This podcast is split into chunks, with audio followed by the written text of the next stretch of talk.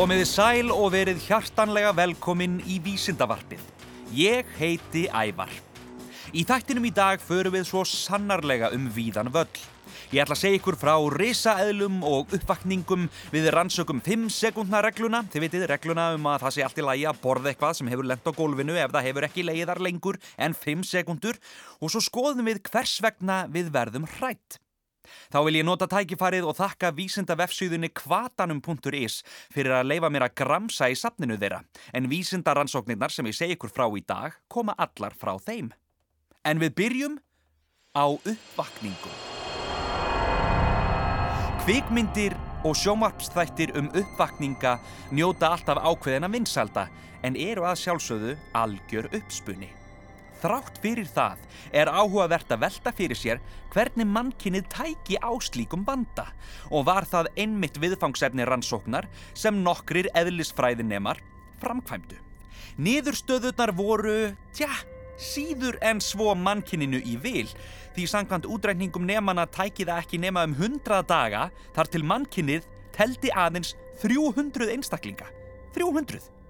Þegar þar væri komið við sögu væru um miljón uppvakningar fyrir hverja mannesku. Takk fyrir kærlega. Og þó að það virðist vera ansi vonlaus aðstafa fyrir mannkinnið, þá síndu útreikningar rannsóknarhópsins að ekki var öll von úti. Með tímanum ætti mannfólk að verða betra í að berjast gegn uppvakningum og verja sig, auk þess sem börn myndu fæðast. Vegna þessara þáttabjóst rannsóknarhópurinn við því að það tæki mannkinnið um þúsund daga, eða 2,7 ár, að útrýma uppvakningunum og síðan 25 ári viðbót þar til mannkinnið væri farið að ná sér á streik á ný. Til þess að reikna út hvaða áhrif uppvatningar hefðu á mannfólk var gert ráð fyrir því að hver uppvatningur geti fundið eina mannesku á dag, svona til að koma skapinu í lag, og að líkurnar á smiti með uppvatningaveirunni væru 90%. Útbreðsla sjúkdómsins var síðan kortlögð með svokölluðu SER-módeli og mannkininu var skipt upp í þrjá hópa, sótnæma, uppvatninga og látna. Ekki var gert ráð fyrir náttúrulegum fæðingum og döðsföllum á tímabilinu þar sem aðeins var um að ræða 100 daga tímabil. Því var gengið út frá því að fæðingar og döðsföll væru ómarktæk. Rannsóknin var framkvæmd af nemum við Leicester háskóla og var hluti af árlegu verkefni þar sem nemar kanna ímyndaðar aðstæður. Niðurstöðunar voru svo byrtar í tveimur greinum í rítringda tímaritinu Journal of Physics Special Topics sem rekið er af nemendum. Og frá uppvatningum yfir í risaeðlur. Það getur verið erfitt að framkvæma atferðlisrannsóknir á útdauðum dýrum eins og til dæmis risaeðlum.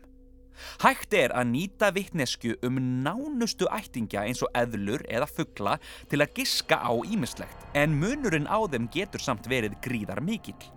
Sem dæmi þá tekur það eðlur tvöfalt lengri tíma að klekja út eggjum en fuggla. Til þess að hjálpa sér við að svara spurningum eins og til dæmis hversu lengi tekur það fyrir risaeðlu egg að klekjast að þá notaðist vísindahópur við steingerð risaeðlu egg. Þau eru ekki mörg risaeðlu eggin sem hafa fundist en hópurinn notaðist við tvö sem tilheyrðu sitt hvori risaeðlu tegundinni. Önnur agnar smá á starfi kind, kannski ekkert svo smá, en hinn svo stór að eggin ein og sér vóu um fjögur kíló. Þroski steingerðu fóstrana var metin með tölvu sneiðmyndum og háþróaðum smásjárskoðunum og aldur fóstrana fundin með því að telja tannringi fóstrana. Tannringir eru á pari við árringi í trjám, nema tannringirnir myndast daglega og því er hægt að meta hversu langan tíma fóstrið hefur fengið að vaksa.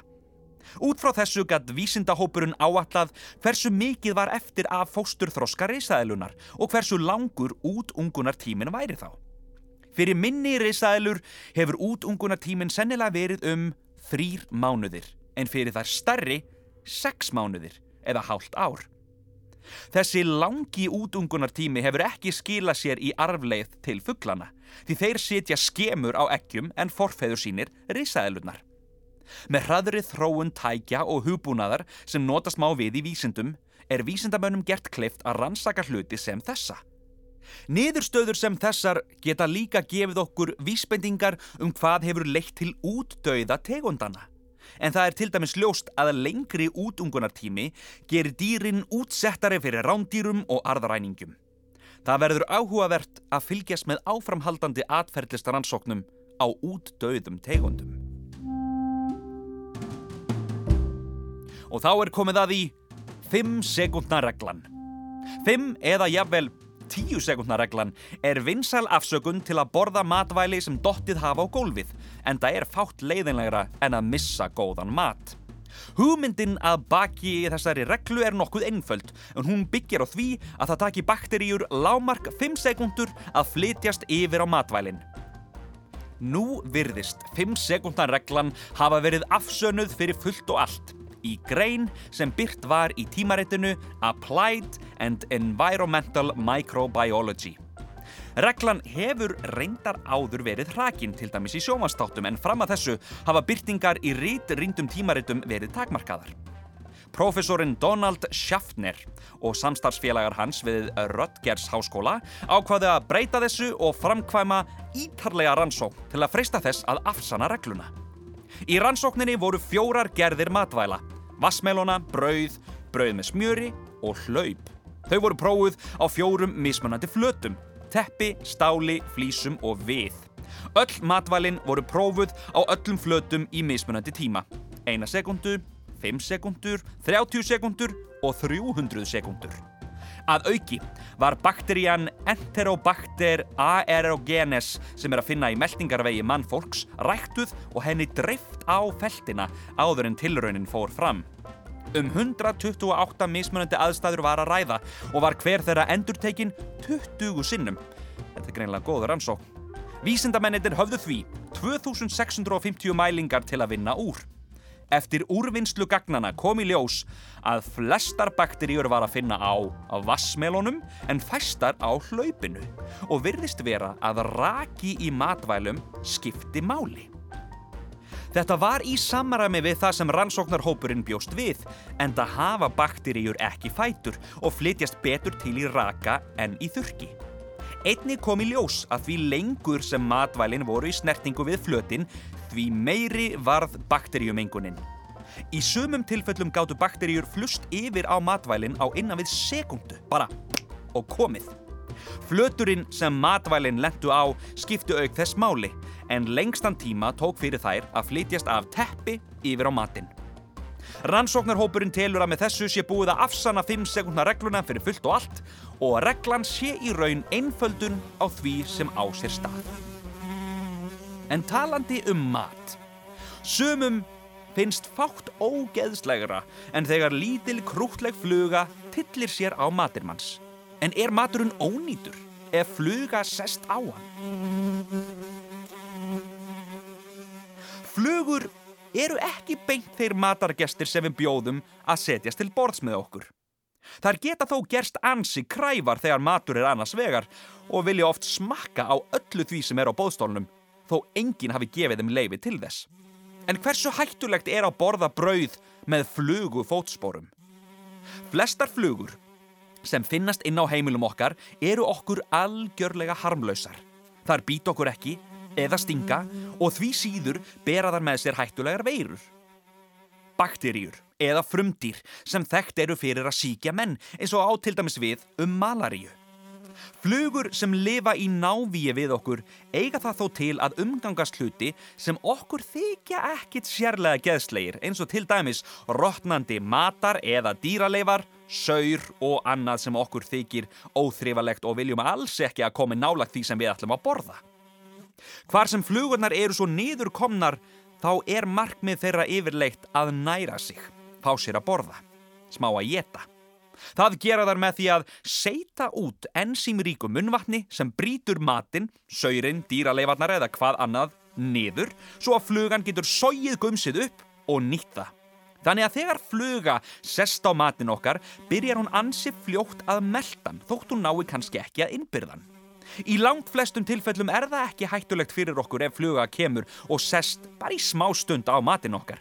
Hins vegar ef hún fær að eigða miklum tíma á disknum eru líkur á því að hún nái að seita góðum slatta af slefi og trampa á stórum hluta matarins og skilja þannig eftir fjölda bakteríja sem upphaflega komu kannski úr dýrasaur eða rótnandi matarleifum. Í miklu magni geta slíkar bakteríur verið mönnum hættulegar og því er kannski ekki æskilegt að gefa flugunum lausan taumin á matnum okkar. Hins vegar er kannski heldur ekki ástæð til þess að henda öllu um leið og fluga kemur nálagt einhverju ætilegu.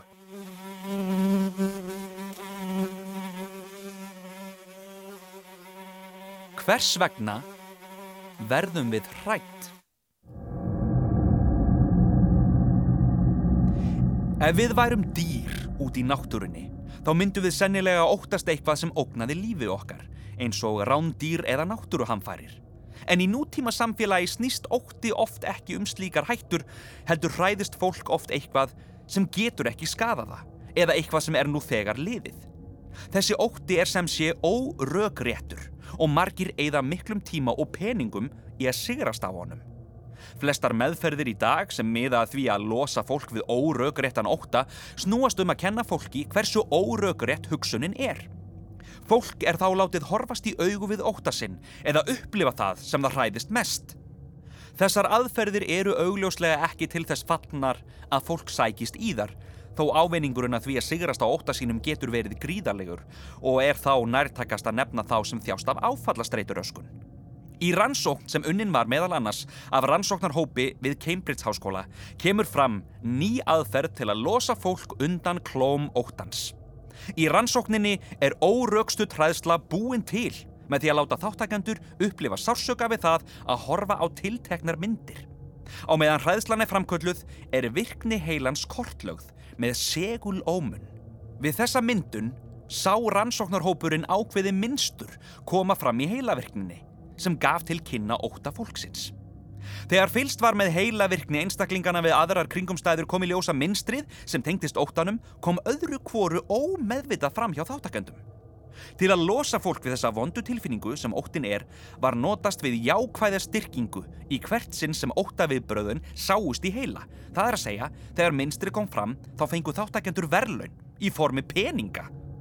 Með þessu móti var ætlunin að búa til jákvæða tengingu við þá heilaverkni sem kemur upp þegar orsuk óttans er revjuð upp. Í lok rannsóknarinnar var þáttakendum aftur síndar myndirnar sem þau voru látin hræðast í upphafi. Í þetta sinn kom ekki fram neitt ótaviðbræð og telur vísendahópurinn að hræðslunni hafi verið eitt. Næstu skref eru auðvitað að prófa aðferðina í mun starra þýði og síðan vonandi með sjálfbóðaliða sem þjást af óta sem ekki hefur verið framkallaður inn á rannsóknastofu. Þessar fyrstu niðurstöður benda þó til þess að í framtíðinni munum við nota mun mildari aðferðir til að lækna óta en þær að horfast í augu við hann. Niðurstöður nýra rannsóknar færa lestrarhestum góðar hrittir. Samkvæmt þeim eru þeir sem lesa í það minsta 30 mínútur á dag líklegri til að lifa lengur en þeir sem ekki gera það. Nánar tilteki 23 mánuðum lengur. Takk fyrir kjærlega. Niðurstöðurnar voru byrtar í Social Science og Medicine tímaritinu. Rannsóknin var gerð af rannsóknarteimi við Yale Háskóla, náði til 3635 einstaklinga sem voru 50 ára og eldri og stóð yfir í 12 ár. Þáttakendum var skipt í þrjá hópa. Þá sem lásu ekkert, þá sem lásu allt upp í 3,5 klukkustundur á viku og þá sem lásu meira en það á viku. Niðurstöðurnar leittu í ljósa því lengur sem þáttakendur lásu, því líklegri voru þeir til að vera á lífi við lok tímabilsins. Eftir að stjórnað hafði verið fyrir þáttum að borði kín og mentunastig voru þeir sem lásu meira en 3,5 klukkustundur á viku 23% ólíkleri til að hafa látið lífið á tímabilinu og meðan þeir sem lásu minna en 3,5 klukkustundur á viku voru 17% ólíkleri til að deyja en þeir sem ekkert lásu. Þetta hljóma svolítið flókið. Til að áhrifin kemur fram var því nóg að lesa 3,5 klukkustundur á viku eða í um 30 mínútur á dag, hálftíma.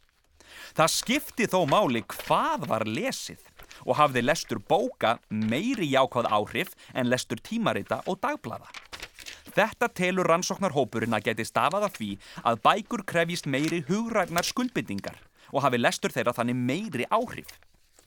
Mikilvægt er að aðtuga að þó að niðurstöðunar séu vissulega áhugaverðar er aðeins um að ræða fylgni en ekki hefur verið sínt fram á það að lesturinn sjálfur sé orsök þess að lestrarhestarnir lifðu lengur.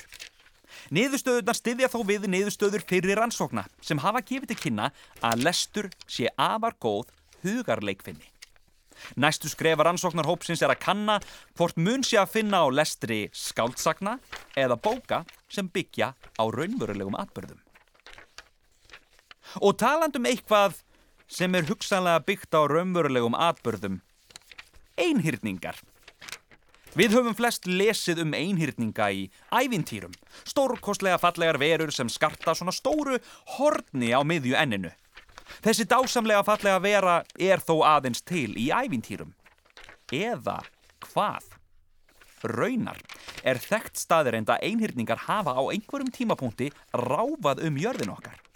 Þeir einhyrningar sem voru raunverulega til eru kannski ekki hinnar stórglæsilegu verur sem ævintýrin hafa skapað heldur líkast þessir einhyrningar miklu frekar nashyrningum en hestum. Enda sennilega náskildir nashyrningum. Ný rannsókn sem byrtist í American Journal of Applied Sciences sínir að einhyrningurinn dó ekki út fyrir 350.000 árum eins og áður var talið. Nýlega fundust nefnilega stengjarvingar í Sýberíu sem sína að dýrið hefur verið til fyrir ekki nema 29.000 árum. Þarna munar umtalsverðum tíma en vísindahópar vonast til að frekari rannsóknir geti varpað ljósi á þróunarfræði tegunda sem voru uppi á sama tíma. Og við skulum enda á geimferðum.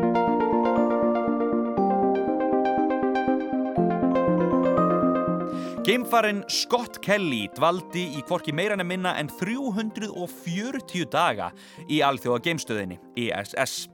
Í ofunalag er Kelly tvíburi og hann og bróður hans verða í framhaldinu rannsakaðir í þeim tilgangi að læra meira um það hvernig hægt er að gera mannfólki kleift að dvelja fjari jörðu í lengri tíma. Þó svo að geimferðin manna séu spennandi, þá taka þær sinn toll á líkamann.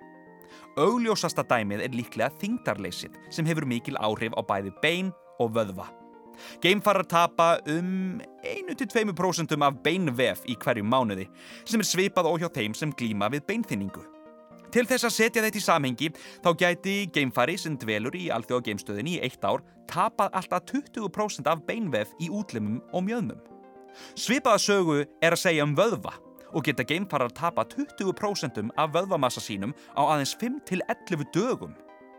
Til þess að sportna gegn þessu mikla vöðvatapi er mikilvægt að geimfarar stundi líkamsrækt og eru 2,5 tími á dag tilengaðir líkamsrækt í ISS. Annað vandamál sem geimfarar glíma við er aukin geyslun frá sólu.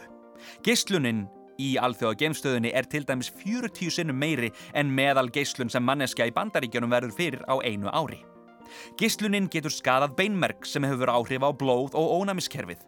Einnig eru geimfarar líklegar en aðrir til að glíma við ögnvandamál og talið er að laungt völ í geimnum kunni að leiða til krabbameina og geti jafnvel hraðað þróun Alzheimer's.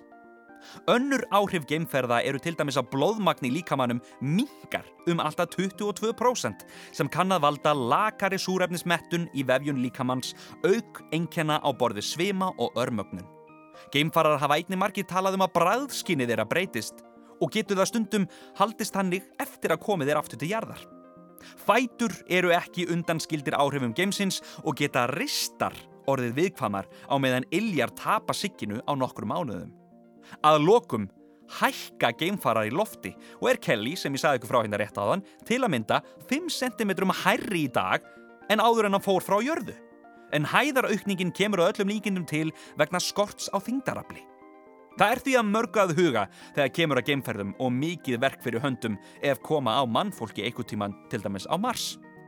Slík geimferð myndi þýða að geimfarar yrðu fyrir hundrað sinnum meiri geyslun enn í alþjóða geimstöðinni, auk þess sem ferðin til Mars og tilbaka geti tekið alltaf þrjú ár og væru áhrifin því meiri enn í stittri ferðum. Þættinum er lokið. Ég vil þakka vísenda vefsíðunni kvatanum.is og minna um leið og vefsíðu þáttarins krakkarúf.is skástrygg ævar. Þetta er ævar vísendamadur, yfir og